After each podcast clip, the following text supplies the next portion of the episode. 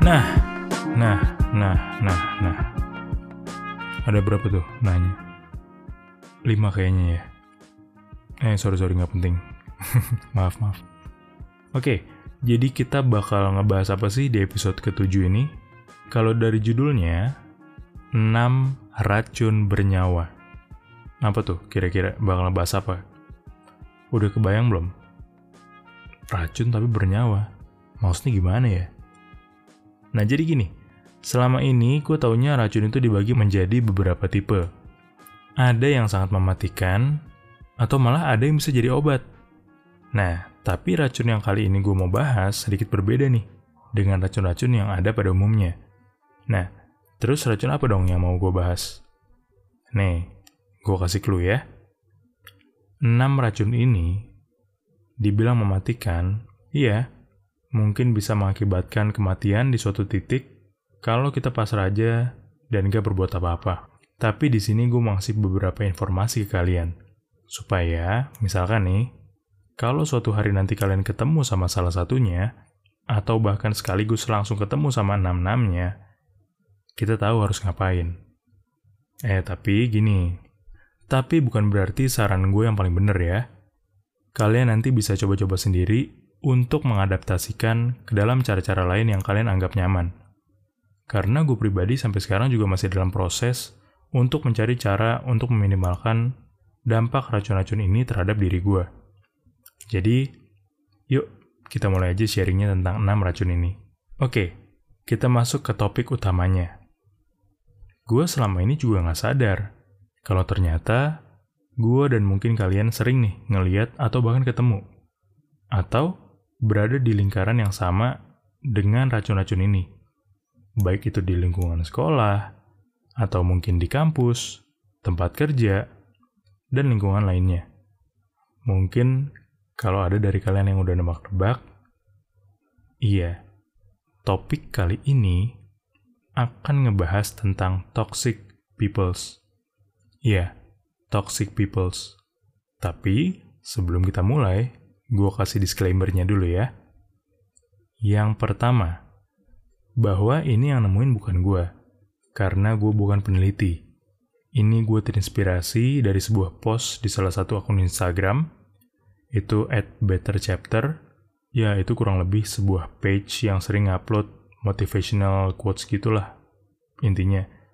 Terus dia juga sering upload tentang uh, real life condition atau saran-saran, pokoknya yang berkaitan atau bersangkutan dengan kehidupan sehari-hari lah. Nah, disclaimer yang kedua, mereka ini nih, si racun-racun ini, mereka ini bukan lagi ditaruh bercanda atau nggak sengaja, atau dengan kata lain, hal ini emang udah sering mereka lakuin. Dan mereka terlihat enjoy banget melakukannya. Bukan sesekali. Kalau sesekali kan mungkin namanya keceplosan. Jadi, kalau ada yang ketemu nanti salah satu dari enam ini, jangan baru sekali mereka kayak gitu, terus langsung kita cap toksik. Jangan ya. Biar gimana pun, kita manusia. Udah tempatnya salah emang. Clear ya? Jangan terlalu cepet ngejudge juga. Gue bikin satu episode khusus untuk ngebahas ini karena menurut gue, yang termasuk perilaku toksik di sini itu udah bukan kebetulan atau sekali dua kali, tapi emang udah hampir jadi kebiasaannya mereka. Nah, yang udah sampai jadi kebiasaan, baru deh gue masukin ke antara salah satunya. Oke, disclaimer yang ketiga. Bukan berarti baper atau gimana ya. Tadi aja gue mikir, gue yang baperan apa gimana nih ya? Tapi ternyata beda loh. Coba deh bedain. Antara baper sama lingkungan sekitar, sama aware dengan lingkungan sekitar. Karena kadang mau nggak mau, suka nggak suka, kita bisa loh ada di antara mereka. Dan buat mereka yang bilang, ah itu mah lo aja yang baper. Antara dua nih, mereka belum pernah ketemu sama yang toksik ke mereka, jadi mereka belum bisa ngerasain apa yang kita rasain, atau ya jangan-jangan mereka lagi salah satunya. Serem ya? Oke, empat. Disclaimer yang keempat. Bukan ngajarin buat negative thinking atau suzon sama orang ya, atau berprasangka buruk sama orang.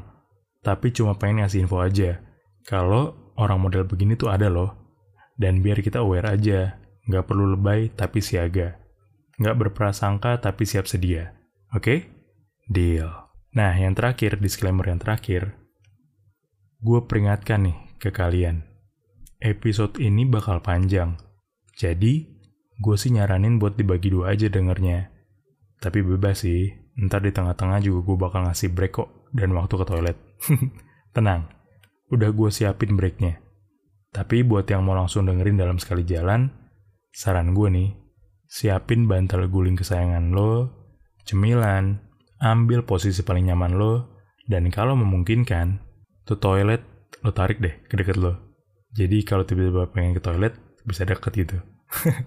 Oke, okay, here we go. Toxic peoples. Menurut Better Chapter, ada enam jenis toxic people yang sudah dikategorikan sama mereka dengan sangat cukup mewakili. Gue sebutin dulu ya, ada apa aja jenis-jenisnya. Toxic peoples yang pertama, the energy drainer, atau si penguras energi. Kedua, the fake complimenter, atau doi yang biasa ngasih komplimen atau pujian-pujian palsu ke orang lain. Yang ketiga, the pessimist, orang yang selalu pesimis, sampai-sampai nggak jarang nularin pesimisnya ke orang lain. Empat, the criticizer, orang yang kerjanya ngekritik orang, apa pun yang orang lain kerjakan. Yang kelima, the manipulator. Orang yang pinter banget nih, punya banyak stok topeng. Yang terakhir, atau yang keenam, the victim. Nah, sesuai namanya, orang yang sering memposisikan atau menganggap dirinya adalah korban dari semua apa yang terjadi. Oke, sekarang gini. Sebelum kita masuk ke masing-masing kategorinya, gue pengen nanya deh. Setelah barusan kita tahu bahwa toxic people itu bisa dikategorikan, kira-kira nih, kalian udah ketemu sama yang mana aja sih? Oke, kita masuk ke kategori yang pertama, atau jenis yang pertama, the energy drainer, atau si tukang ngabisin energi. Nah, ini sih asli capek banget. Tipe yang pertama ini nih, kalau menurut gue, mereka sering aja gitu nyoba buat kita kecewa for no reason. Iya, nggak ada angin, nggak ada hujan, tiba-tiba nyela aja bawahannya. Kalau kita doang yang dicela, ya berarti kita nih yang salah. Ada apa-apanya berarti kan sama diri kita. Tapi ini enggak. Seragam aja gitu. Abis nyela si Ani, nyela si Budi. Kayak nggak ada yang bener aja gitu di mata mereka. Dan biasanya, kalau mereka tahu nih, ada orang lain yang lebih beruntung dari mereka. Beh, nggak bisa tuh mereka. Langsung aja pasti komen. Orang mah ya, namanya temen atau orang lain achieve atau dapat sesuatu yang baik, bukannya diselamatin, ditanya kek, wih, kok bisa sih begitu caranya gimana? Keren lo keren, bangga gue sama lo. Eh malah sebaliknya. Ah dia mah paling juga cuma beruntung. Atau paling ya ada orang dalam tuh palingan. Nah, capek gak sih ketemu sama orang yang kayak gini? Nggak satu dua orang yang diginiin, banyak. Kalau di lingkungan kita nih, ya namanya juga sesi sharing-sharing ya kan, antara satu sama lain. Atau kalau sekarang kita lebih mengenalnya dengan sesi julid. Nah, ada beberapa orang, teman-teman kita nih, yang ngerasa diperlakukan sama, sama si oknum ini. Nah udah, fix berarti bukan kita yang salah. Tapi kayaknya doi deh, yang harus refleksi diri. Solusinya, diemin aja, asli deh. Dengan kita memperlihatkan bahwa kita terpengaruh sama tingkah negatifnya mereka, terus kita akhirnya juga jadi kebawa emosi, kebawa suasana, dan malah jadi ikut mencak-mencak ke mereka, percaya deh, marahnya kita adalah energi buat mereka. Energi buat melakukan sesuatu yang jauh lebih menguras energi. Aduh, iya, dimin aja ya. Dan biasanya juga mereka nggak takut untuk terlibat dalam yang namanya debat kusir. Atau mereka itu kayak nggak bisa aja gitu disanggah. Oke, kita lanjut ya. Jenis yang kedua, the fake complimenter. Nah, kalau yang ini sih hati-hati nih. Kenapa hati-hati? Karena gini, pernah nggak kita ada di kondisi dipuji terus sama seseorang di depan orang banyak? Yang tadinya kita mikir bahwa doi tulus gitu ya mujinya. Eh kok kayak ada yang aneh gitu sama pujiannya. Dan mulai bikin kita mikir, ini muji apa nyindir? Dan pujian-pujian pamungkasnya ini hanya keluar, nih gue garis bawahin ya, hanya keluar di saat-saat genting. Nah, genting gimana nih maksudnya? Nah, contoh langsung aja nih ya. Kita lagi brainstorming. Sesuatu hal nih. Biasanya brainstorming kan fungsinya buat nyari ide-ide baru kan ya. Entah itu mau nyari ide baru buat ngatasin masalah yang lama, atau nyari ide buat ngatasin masalah yang baru muncul, ya kan? Nah, si pemuji palsu ini biasanya mereka pinter nih timingnya. Lagi ditanya nih sama atasan ya kan? Ayo, siapa yang kira-kira punya solusi buat masalah ini? Semua lagi hening, lagi mikir keras buat brainstorming, lagi diam, lagi diam, lagi genting nih ceritanya suasananya. Eh, tiba-tiba ada yang nyeletuk dari kejauhan. Wah, kalau hal ini sih dia pak atau bu jagonya. Buktinya bulan lalu dia dapet tuh Best Employees of the Month. Udah makanan dia sehari-hari nih mah, pak atau bu. Ya, langsung aja. Coba, Lik. Gimana coba? Gimana? Jelasin deh. Hmm, bangke nggak? Gini ya. Kalau kita ditunjuk langsung sama atasan, ya udah, mau nggak mau, siap nggak siap, kita nyoba jawab, ya kan? Nah ini yang nunjuk, mending ngasih nyontoh dulu. Ini nggak, langsung dipuji di tempat dalam tanda kutip. Kebayang nggak rasanya? Ini udah bukan bercanda lagi loh ya ya kita harus bisa ngebedain yang mana yang bercanda sama yang mana yang serius. Begitupun sama mereka. Hey, wahai sang fake komplementer. Kalau ngana pengen bercanda, jangan di dalam ruang meeting. Lo enak tinggal nyeplos gitu, lah kita. Seisi ruang meeting, dari yang tadinya lagi sama-sama hening, eh, pada noleh tuh ke satu titik. Dan iya, kita pusat atensinya Tekanan ada di kita. Bersyukur kalau kita bisa jawab. Even pun kita best employee sebulan sebelumnya, atau emang ini adalah hal yang biasa kita lahap, jangan salah loh. Orang lagi bengong, lo kagetin aja bisa mati. Lah sama ide juga, lagi mikir, ditembak gitu, bisa blank loh.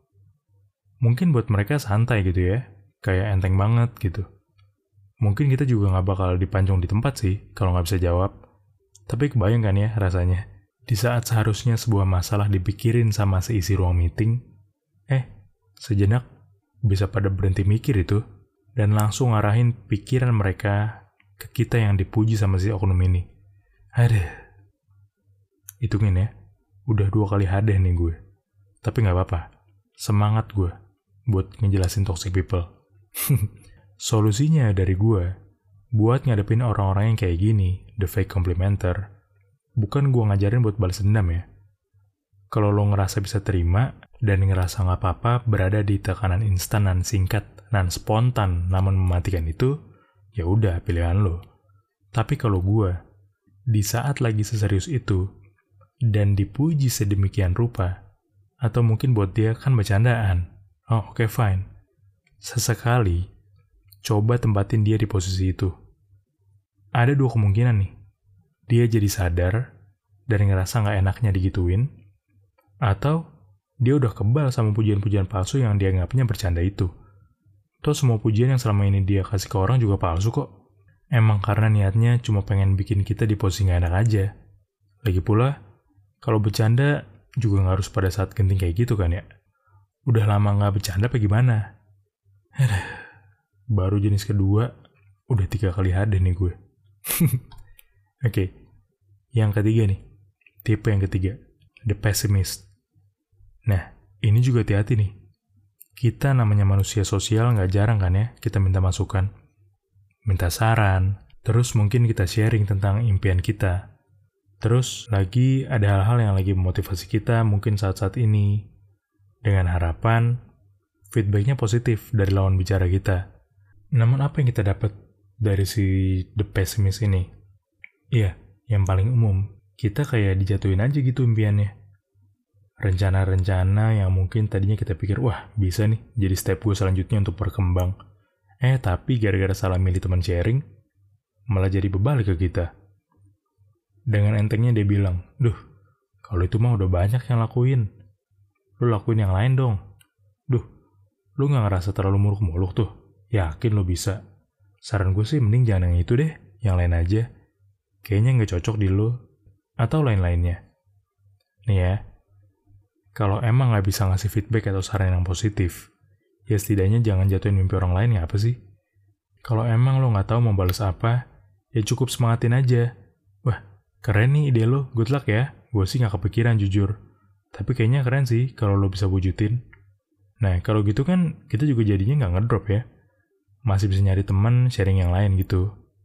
Nah, solusinya kalau ini menurut gue ada dua nih. Satu solusi jangka pendek, satu solusi jangka panjang. Solusi jangka pendeknya, lo bilang aja, makasih ya udah ngasih saran, nanti gue pertimbangin lagi. Nah, instead lo pertimbangin lagi, kalau emang lo udah yakin pengen coba, ya jalanin aja, gak usah pedulin kata orang lain.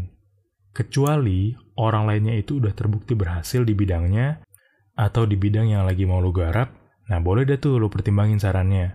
Mungkin make sense dan bisa dipertanggungjawabkan. Nah ini Misalkan lu sharing nih ke si oknum, eh, gue mau nyoba usaha rental cupang nih. Gimana menurut lo? Wah gila jangan bro, apa-apaan? Masa hari gini usaha rental cupang, ngapain? Bla bla bla bla bla, dari barat ke timur, utara ke selatan lu diceramahin. Sampai akhirnya beneran dia berhasil mempengaruhi lo, dan lu nggak jadi rental cupang. Eh, tiba-tiba dua tahun setelahnya lo akhirnya ketemu lagi sama si oknum, dan dia nyapa lo. Eh, apa kabar lu? Kata si oknum. Terus lo bilang nih ceritanya. Hmm, baik. Lu gimana? Ini gue buka usaha rental cupang sekarang. Udah 50 nih cabangnya. Makasih ya. Gue terinspirasi dari lo dulu. Hihihi. Nah, yang begini nih. Yang layak digeser dikit aja rahangnya. Ke utara, ke selatan, ke barat, ke timur. Nah, lo puter-puter aja tuh rahangnya sambil lo katain. Eh, Dulu gue mau buka usaha rental cupang, lo bilang jangan. Sekarang lo yang buka. Gimana nih? Enak sekarang rahang lo gue puter-puter, huh? Si oknum dengan gampangnya pasti bilang tuh. Atau dia pasti ngebalesin. Ya lo siapa suruh nggak jadi buka rental cupang?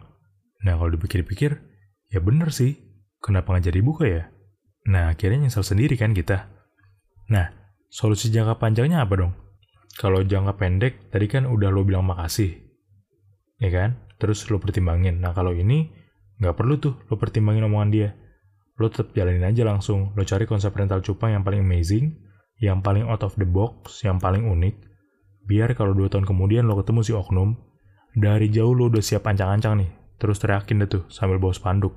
Iklan rental cupang lo yang cabangnya udah 50. Weh, apa kabar lo? Itu kan, ohnya banyak ceritanya. Gua dulu setelah minta saran dari lo, Gua nggak pakai pertimbangan nih. Gua nekat aja lakuin. Eh, untung deh syukur udah 50 cabang nih. Nah, pas si oknum mau mulai ngejawab lo, lo tau kan apa yang harus lo lakukan? Ya lo puter rahangnya sambil lo teriakin, nah nih enak. Berani-beraninya lo ya, hampir memumpuk mimpi gua. Nah, nih lo rasain nih. ya karena emang the best revenge buat orang-orang yang menyepelekan lo atau menyepelekan kita itu adalah kesuksesan kita di masa depan. Setuju gak sih? Enggak, yang ini gue gak ada. Karena udah lega, udah puas dari tadi, kita udah muter-muter hangnya si oknum. nah, sekarang gue tahu nih, udah ada yang gak betah kayaknya nih. Ada yang kebelet pipis, ada yang aus, atau ada yang lagi kesel habis muter-muter hang orang, ya kan? Sekarang gue kasih waktu kalian, pause dulu ini podcast, yang mau ke toilet, ke toilet, yang mau ambil minum ya ambil minum, mau ambil cemilan ya ambil cemilan. Gih, monggo. Pause dulu ya. Gue hitung sampai 10 nih. Satu, dua, tiga, empat, lima, enam, tujuh, delapan, sembilan, sepuluh. Nah, gimana? Udah, udah? Udah pada balik semuanya? Udah di tempat? Ya udah gantian ya. Sekarang gue yang ke toilet. nggak, nggak, canda-canda. Oke, kita lanjut ya. Empat, atau jenis toxic people yang keempat. The criticizer. Nah, dari jenis spesiesnya aja, the criticizer. Iya, orang yang kerjanya kritik mulu.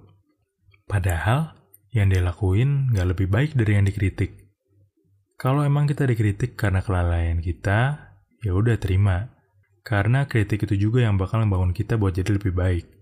Tapi, kalau semua yang kita lakukan dikritik sama satu orang oknum ini, dan gak cuma kita korbannya, Semua jadi kritik.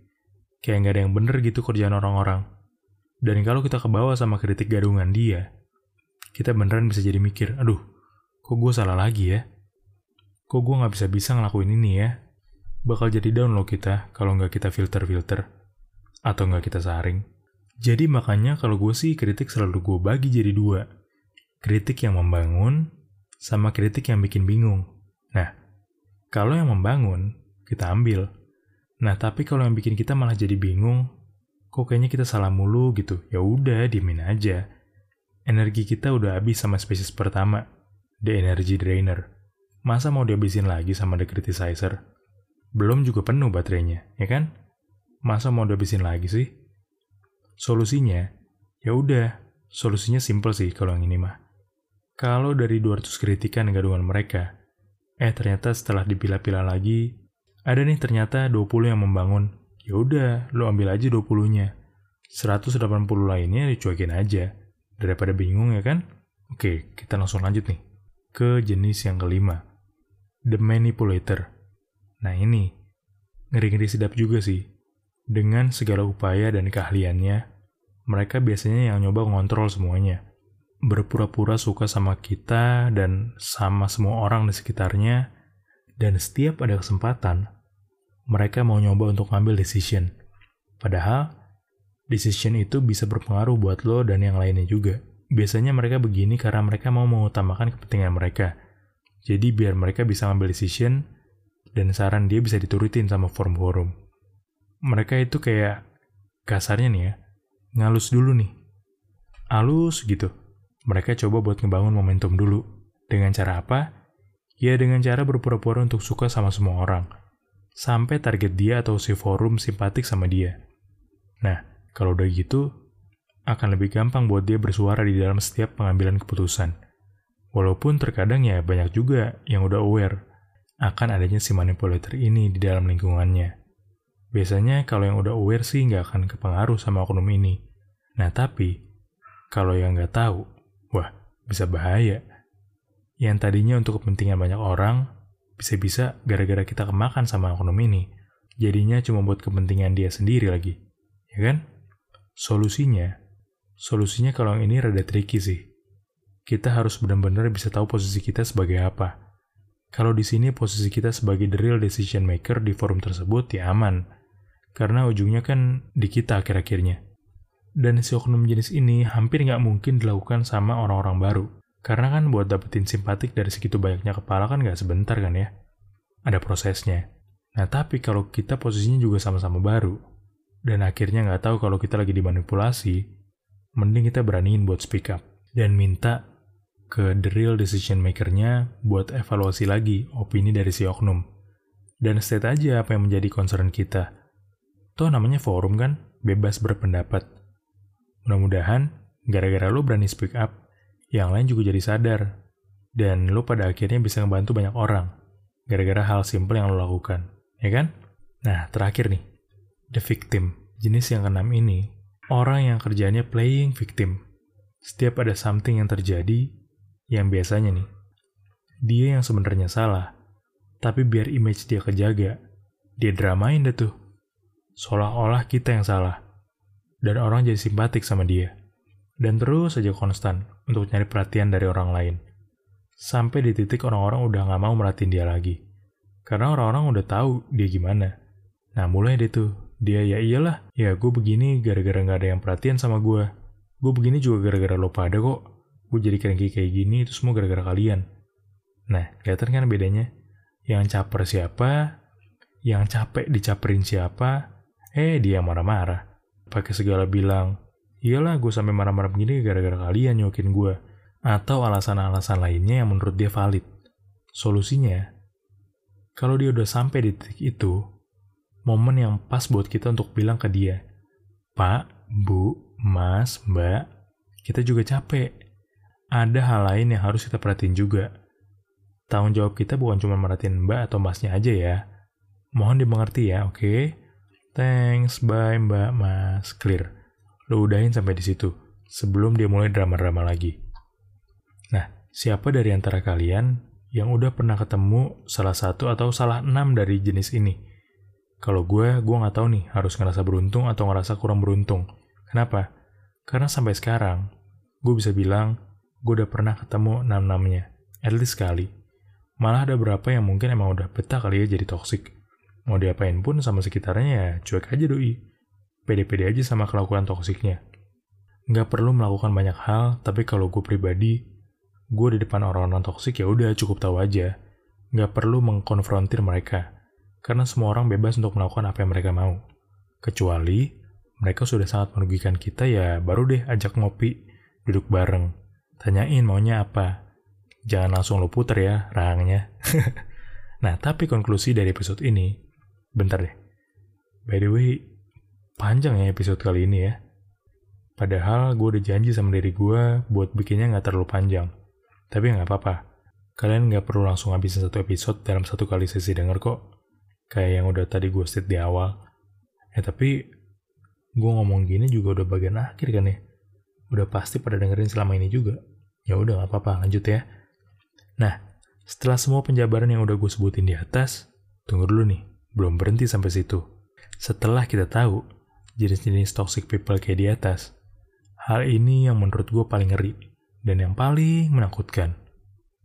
Kalau ternyata nih, menurut orang lain, Kitalah orang yang termasuk ke dalam salah satunya. Gimana tuh? Udah horor belum? Gue jujur sih takut. Takut banget kalau gue ternyata yang selama ini jadi toxic di lingkungan gue. Makanya, gue sampai sekarang selalu open aja sama orang. Gue selalu bilang, kalau ada hal dalam diri gue yang menurut lo udah kelewatan, dan udah di luar batas wajar, lo tegur gue ya. Lo ingetin gue. Kan lo teman gue.